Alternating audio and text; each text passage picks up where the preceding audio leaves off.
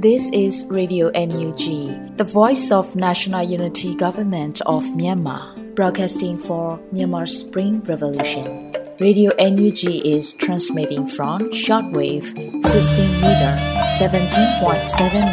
MHz at 8:30 a.m. and 25 meter 11.94 MHz at 8:30 p.m. Myanmar Standard Time.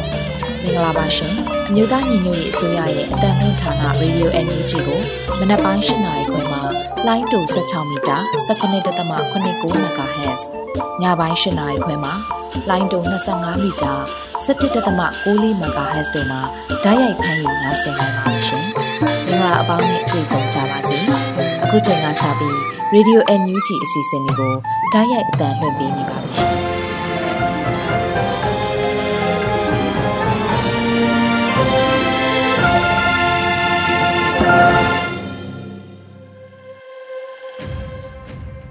န်မာနိုင်ငံသူနိုင်ငံသားအပေါင်းတဘာဝပေးဆရာနာရှင်ပြည်တို့ကနေကင်းဝေးပြီးကိုစိတ်နှစ်ပါးပေးကင်းလုံခြုံကြပါစေလို့ရေဒီယိုမြူကြည့်ဖွယ်သားများကဆုတောင်းမြတ်တာပို့သလာရပါတယ်ရှင်။ခုချိန်ကစပြီးပြည်တွင်းသတင်းတွေကိုတော့ရေဦးမွန်ကဖတ်ကြားတင်ပြပေးပါရမရှင်။မင်္ဂလာညချမ်းပါရှင်။2023ခုနှစ်ဩဂုတ်လ20ရက်နေ့ Radio Energy ညပိုင်းပြည်တွင်သတင်းများကိုတင်ပြပေးသွားပါမယ်။ကျွန်မကတော့ຫນွေဦးမွန်ပါ။ စစ်ကောင်စီဟာနိုင်ငံရေးရကိုစားပြုခွင့်အခုချိန်ထိမရရှိသေးဘူးလို့ဝန်ကြီးဒေါ်စင်မအောင်ပြောကြားတဲ့အကြောင်းအရာကိုတင်ပြပေးကြပါမယ်။အခုလတွင်မှာကျင်းပတဲ့မောင်းတရစကားဝိုင်းတွင်နိုင်ငံခြားရေးဝန်ကြီးဒေါ်စင်မအောင်ကအခုလိုပြောကြားခဲ့ပါတယ်။စစ်ကောင်စီရဲ့မအောင်မြင်တဲ့အာဏာသိမ်းမှုကနှစ်နှစ်ခွဲသုံးနှစ်ထက်ရောက်လာပြီပေါ့။နိုင်ငံတကာအစိုးရတွေအနေနဲ့ရောဖွဲ့အစည်းတွေအနေနဲ့ရောကကျမတို့နဲ့တွေ့တိုင်းပြောတာဆီယနာသိမ်းမှုကိုဘယ်တော့မှအတိအမှတ်မပြုဘူး။ဒေတာရင်းအာဆီယံမှာဆိုလဲဆီယနာသိမ်းမှုကိုအဆုံးသတ်ဖို့ အာဆီယံဘုံသဘောတူညီချက်9ရက်ထဲထည့်သွင်းထားတာတွေ့ရသလိုစစ်ကောင်စီကိုနိုင်ငံရေးရ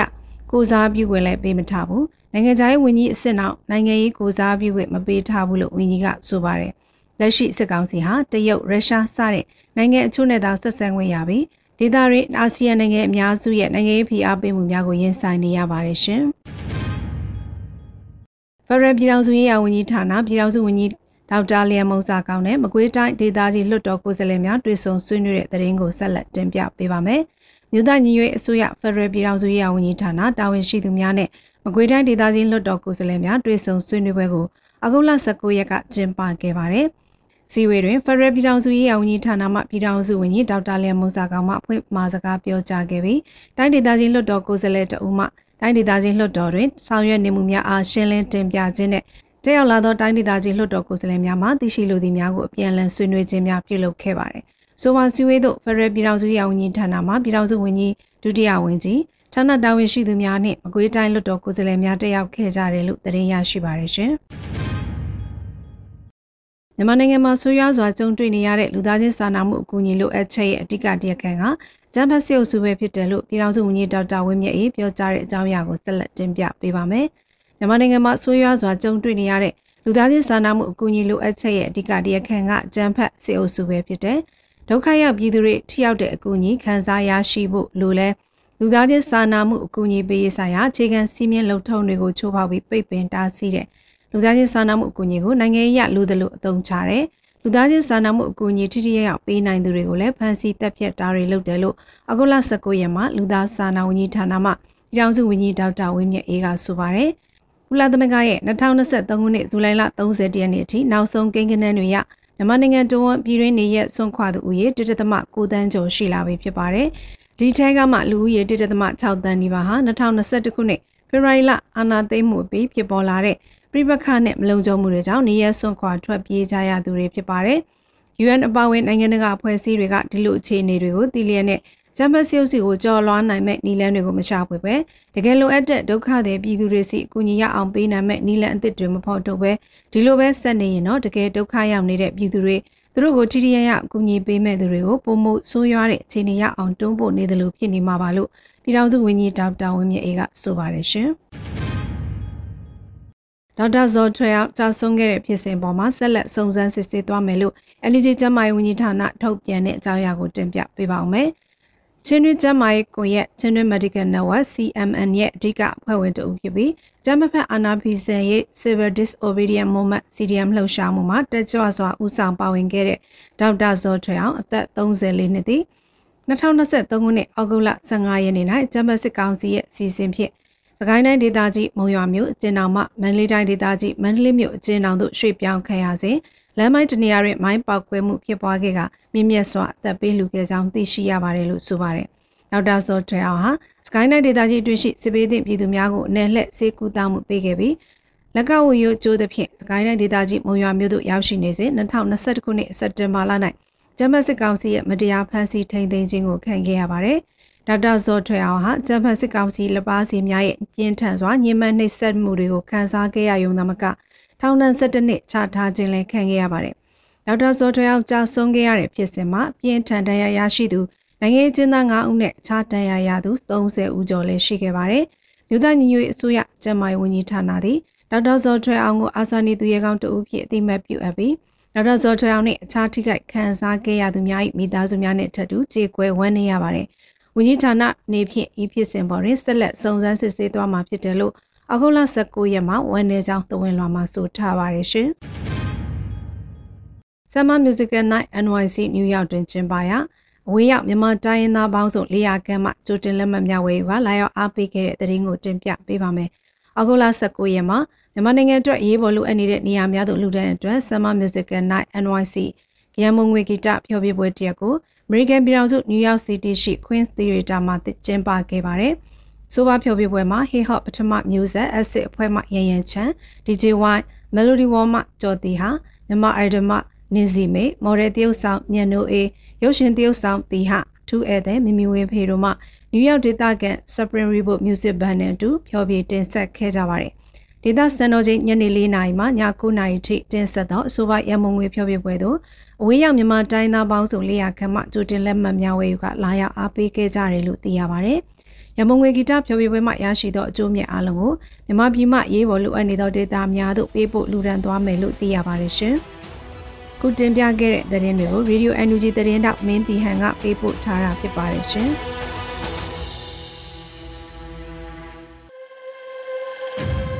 ရေဒီယိုညူးကြီးကိုနာတော်တာဆင်နေတဲ့ပရိသတ်များရှင်အခုဆက်လက်ပြီးနားဆင်ကြရမှာကတော့ ရေဒီယိုညူးကြီးနှစ်နှစ်ပြည့်အမှတ်တရစကားသံအနေနဲ့ဆက်သွယ်ရေးသတင်းချက်လက်နဲ့နည်းပညာဝန်ကြီးဌာနပြည်အောင်စုဝန်ကြီးဦးထင်လင်းအောင်ရဲ့စကားသံကိုနားဆင်ကြရတော့မှာဖြစ်ပါတယ်ရှင်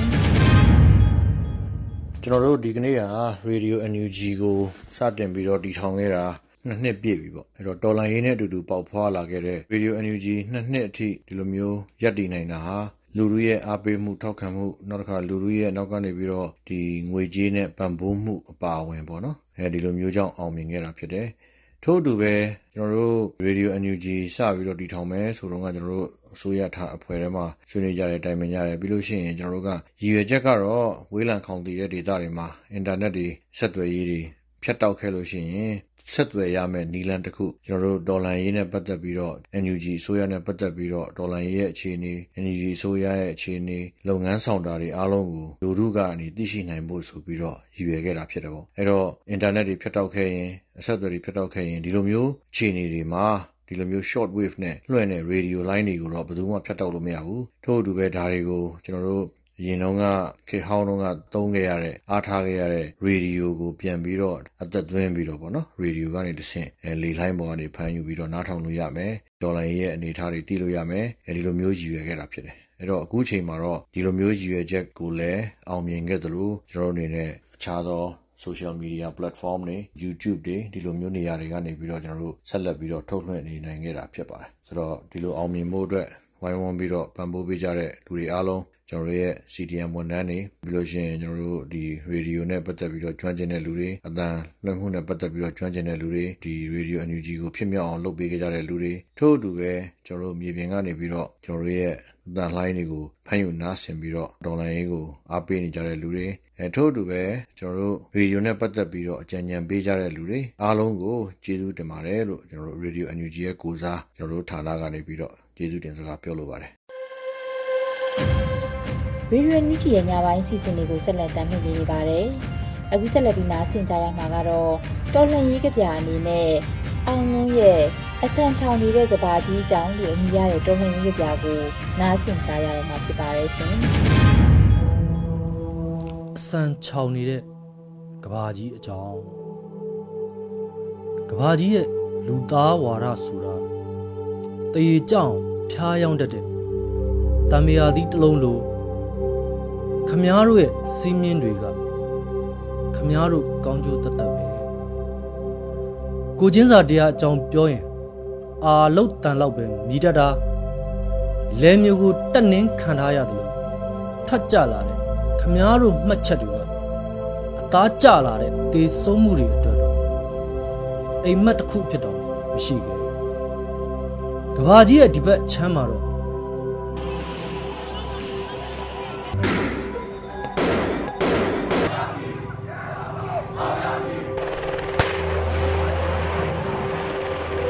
လူကုံတိတ်ခါဆိုတာမေ့ထားဖို့ထိုက်တန်တဲ့နာကျင်မှုတွေပဲကမ္ဘာဈေးကွက်ထဲလဲရောင်းနေရတာအမှန်တရားတွေပါ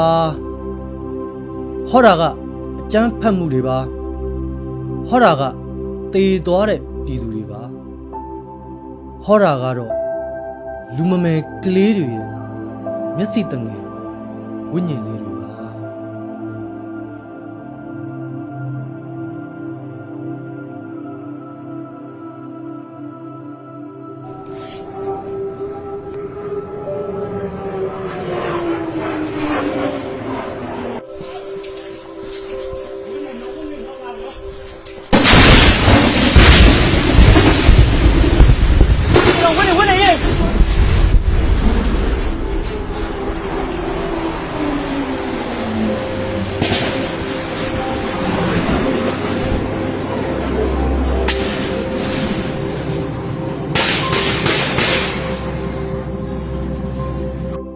လိုက်တဲ့တကားတွေပြန်ဖွင့်တဲ့အချိန်မှလဲအလင်းရောင်အစားစကားအရာလှတာကလွင်တိတ်ဆိတ်မောင်မိတ်ချင်းကတော့ပုံမှန်လိုပါပဲခမည်းတော်ကဘာမှာအသက်တွေရှိတဲ့လားကျွန်တော်တို့စီမှာတော့အသက်ဆိုတာမိုးရွာရင်စိုးနေပူရင်6လေကွင်းတွေကရိုးပြက်လောက်တန်မိုးကိုမဲ့လို့ တရားမျှတမှုရှာရင်မတရားတစ်ဖြစ်သေနေလိုက်ကြတာအသက်တကူလွတ်ပစ်ပြီးအဖန်900 9ကပါတဲ့တိုးဝင်သွားလိုက်ကြတာကျွန်တော်တို့ဂျားကအကွာဝေးဆိုတာခီးမိုင်တွေကိုပြောတာမဟုတ်ဘူးကိုချင်းစာတရားရဲ့ခီးသွားဟန်လွဲတွေပါကဘာကြီးရေခမရတို့စကလုံးလေးတွေလှဖို့ အစင်တန်စာဆိုတာအသက်တွေပါစကလုံးတွေစားလက်နက်တွေပေးပါအာဟာရတွေအစားကြည်စံတွေဒါများများကူညီပါလူကုံတိတ်ခါအတွက်တော်လန်ရေးဟာကမ္ဘာသမိုင်းရဲ့စာမျက်နှာကိုစံချိန်တက်တွေရေးထိုးပါလိမ့်မယ်စိုးရင်စိတ်တွေတလူလူနဲ့တန်လျက်လောက်တာထုတ်လွှင့်တတ်တယ်ခမားတို့ကဘာဘက်အချမ်းကို မီးတောက်တွေကြားကအငုံမျက်လုံးနဲ့ပြုံးကြည့်နေကြပါတယ်ကမ်းမဲ့လက်တွေကိုမျောလင့်တကြီးချောင်းကြည့်နေကြရပါတယ်ခွေးဥတန်းနဲ့အိတ်မရတဲ့ညတွေကြောင်းအဆန်ချောင်နေတဲ့ကဘာကြီးရဲ့အကြောင်းနာကျင်မှုတွေဟာမနာကျင်တော့တဲ့အကြောင်းတစ်ချိန်မှာခမားတို့ကိုပြောပြရမယ့်စကားလုံးတွေကျွန်တော်တို့မှာအများကြီးရှိနေပါ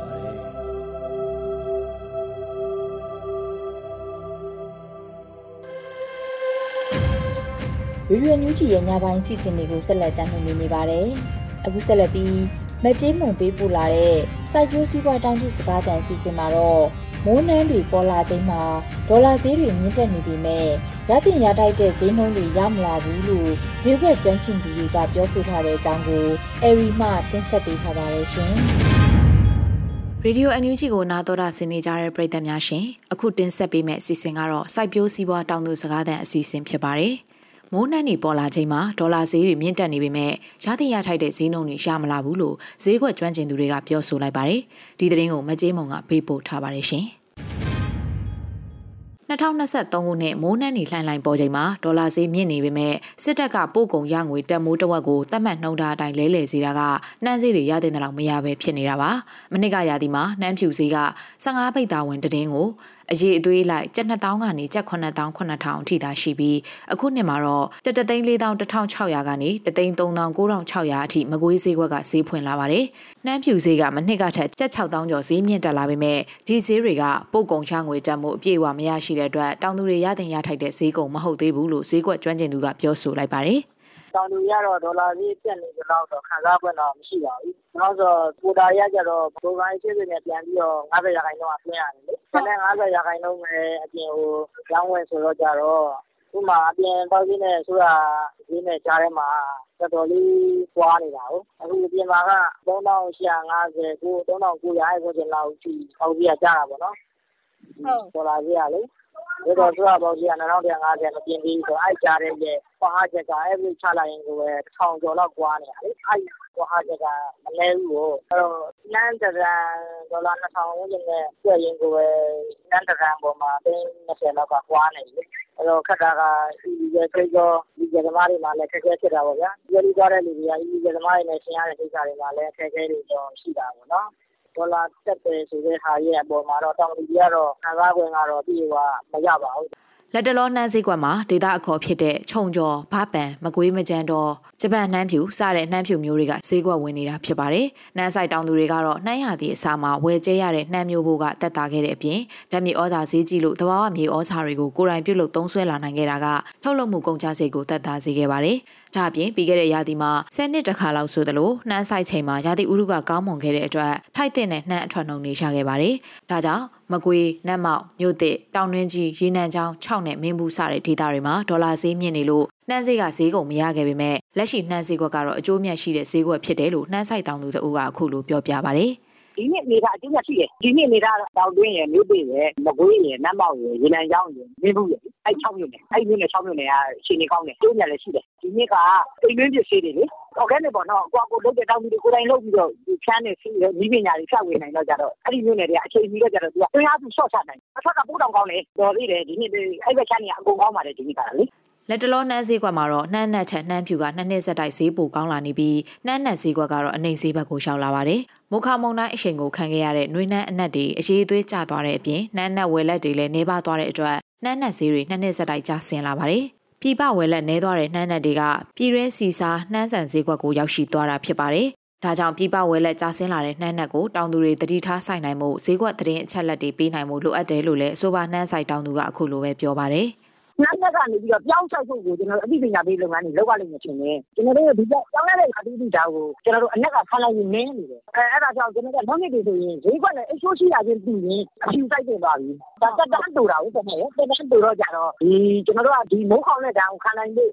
မိုးဦးကျနောက်ကျတဲ့ဓာတ်ကို ခံနိုင်ဖို့ဆိုရင် အဖြူစိုက်ရတော့မယ်။ရာသီဥတုအရလေ ပြောင်းလဲလာတဲ့ ရာသီဥတုနဲ့ ကိုက်ညီတဲ့ သီးနှံဆိုတဲ့သဘောနဲ့လေ အသိပညာပေးလုပ်ငန်းတွေတော့ လုပ်တင်နေပြီဒါပါ။မြန်မာတနိုင်ငံလုံးမှာ နှမ်းဆိုင်ဧက၄တန်းနီးပါးရှိခဲ့ပေမဲ့ စိုက်ဧကတတန်းကျော်နဲ့အဓိကစိုက်ပျိုးထုတ်လုပ်တဲ့တိုင်းဒေသကြီးတွေဖြစ်တဲ့မကွေးတိုင်းမန္တလေးတိုင်းနဲ့စကိုင်းတိုင်းတို့မှာစစ်တပ်ကစစ်ရေးအရာထိုးစစ်ဆင်တိုက်ခိုက်နေတဲ့အတွက်နှမ်းဆိုင်ဧကတွေရောကြလာသလိုနှမ်းရောင်းဝယ်ရေးလုပ်ငန်းမှာလည်းပြည်ပပုတ်ကုန်ငွေလဲနှုန်းကိုချုပ်ကင်လော်ဝကြီးအုပ်ထားတဲ့အတွက်ဒေတာရင်းကနှမ်းဆိုင်တောင်သူတွေမှာရသင့်ရထိုက်တဲ့ဈေးကုန်မရကြပဲဖြစ်နေတာဖြစ်ပါတယ်။မြမနှမ်းကိုတရုတ်နိုင်ငံကိုအဓိကတင်ပို့နေပြီးဂျပန်၊ကိုရီးယား၊စင်ကာပူနဲ့ထိုင်းနိုင်ငံတွေကိုလည်းတင်ပို့ခဲ့ပါတယ် 2020-2021ခုနှစ်အတွက်စီးပွားကူးသန်းကထုတ်ပြန်ခဲ့တဲ့စီးရင်တွေအရမြမနှံတင်ပို့မှုကတန်ချိန်2,600ကျော်ရှိခဲ့ပြီးအဲ့ဒီကနေ American Dollar တန်350နီးပါးရရှိခဲ့တယ်လို့ထုတ်ပြန်ထားပါတယ်။အခုတင်ဆက်ပေးခဲ့တဲ့မြေပြင်သတင်းအကြောင်းအရာတွေကိုတော့ Radio NUG သတင်းထောက်မကြေးမုံကပေးပို့ထားတာဖြစ်ပါတယ်ရှင်။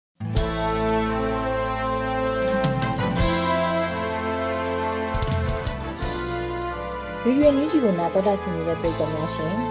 အခုဆက်လက်ပြီး တော်လိုင်းဒီဂီတာစီစဉ်မှာတော့ Radio NUG ရဲ့နှွေဦးစစ်တီ Radio NUG ဆိုတဲ့တိတ်ဂီတာကိုနားဆင်ကြရတော့မှာဖြစ်ပါတယ်ရှင်။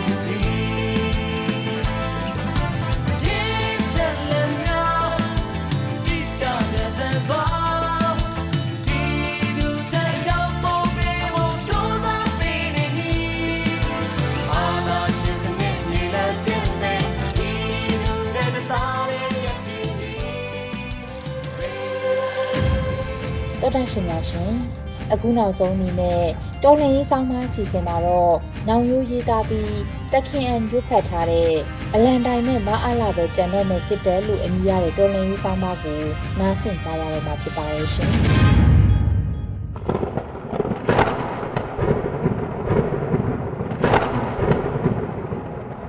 စစ်ကောင်စီတပ်ရဲ့တပ်သားရင်းမြစ်ဟာပြည်မဒေသတွေပေါ်မှာအခြေခံတယ်လို့ ဗမာဗုဒ္ဓဘာသာလူမျိုးစုကိုထင်ဟပ်စေတဲ့လက္ခဏာအဖြစ်ဆွဲဆောင်နိုင်ခဲ့တာတွေတွေ့ရပါတယ်။ဒါကြောင့်ပဲစစ်တပ်ဟာယာရုအကြီးပိုင်းတွေဗိုလ်ချုပ်အဆင့်တွေကိုဗမာပီပီတတ်တရုပ်ရည်နဲ့ဗုဒ္ဓဘာသာဝင်တွေကိုသာနေရာပေးလိရှိပါတယ်။အကယ်၍များဘာသာကြားတယောက်ကဖြစ်စေလူမျိုးကြားတယောက်သာ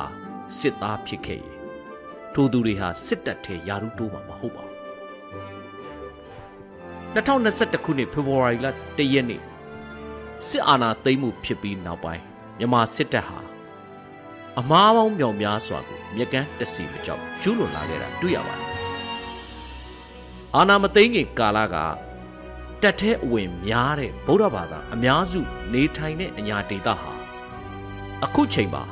ဝင်ရောက်သူမရှိသလောက်ဖြစ်နေကြပါပြီ။ဘာသာရေးနဲ့မှိုင်းတိုက်ခံထားရတဲ့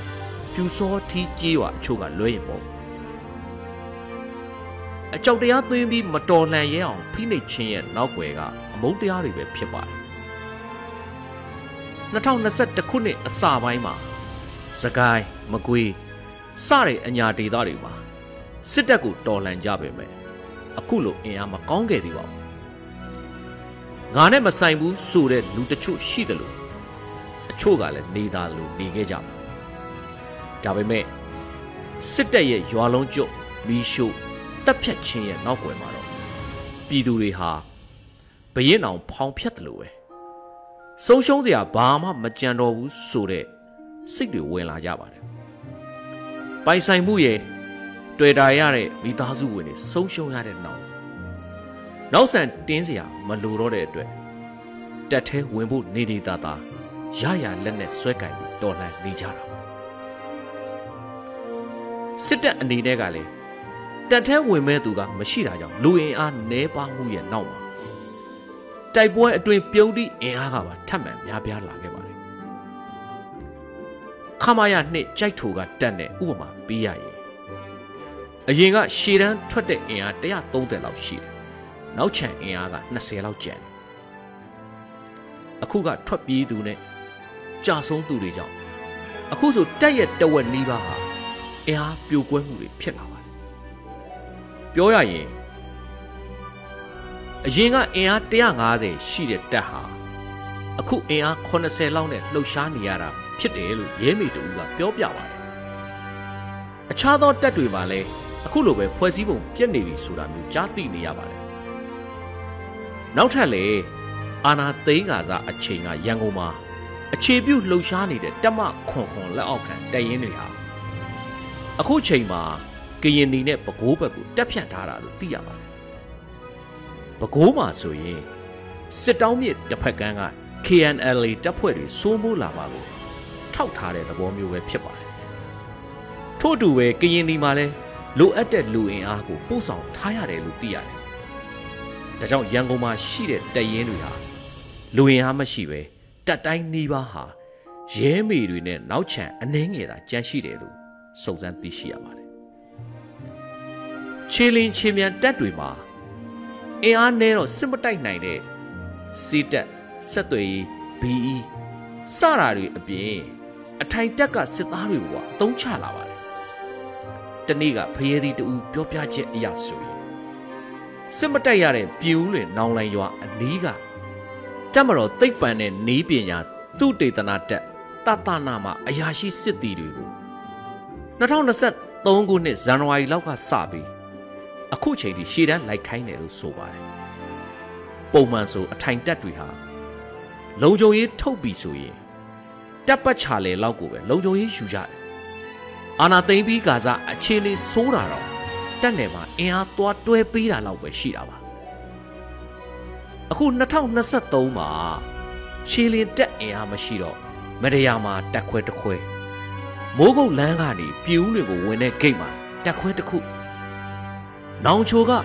ပြည်ဦးလွင်ကိုဝင်တဲ့ဝက်ဝွန်ရွာမှာတက်ခွဲတစ်ခုအခွဲတစ်ခုကို90လောက်ရှိတယ်ချင်းလင်းချင်းမြန်နဲ့တွဲပြီးလုံခြုံရေးယူရတာစစ်တိုက်တာလုံနေရတယ်လို့သိရပါတယ်တက်တွင်းအင်အားနေပါအထိနာလာမှုကြောင့်တက်နယ်တွေမှာတက်ချုပ်မင်းအောင်လိုင်းနဲ့ဒူးချုပ်စိုးဝင်းတို့ကိုယ်တိုင်လှည့်လေစီယုံရေးဆင်းနေရတယ်လို့လည်း သိရပါတယ်ဒီလောက်နေရာတိုင်းတိုက်ပွဲတွေဖြစ်နေတာတော့တမျိုးပြီးတမျိုးဘာလို့သွားနေရလဲဆိုတော့စစ်တပ်ထဲဝင်မဲ့သူလည်းမရှိတက်ထဲကလူတွေကလည်းပယုံလုံးလိုလုံးပါပါလာတာကြောင့်ပဲဖြစ်ပါတယ်ဒီပုံစံအတိုင်းဆိုရင်စစ်တပ်မှာတက်အင်အားချိနဲ့လာမှုနဲ့အတူအလန်တိုင်းနဲ့မဟာလာပဲကြံတော့မဲ့အခြေအနေဟာမကြတော့ဘူးလို့သုံးသပ်မိပါတယ်။ဆောင်းမရှင် နောင်ယူ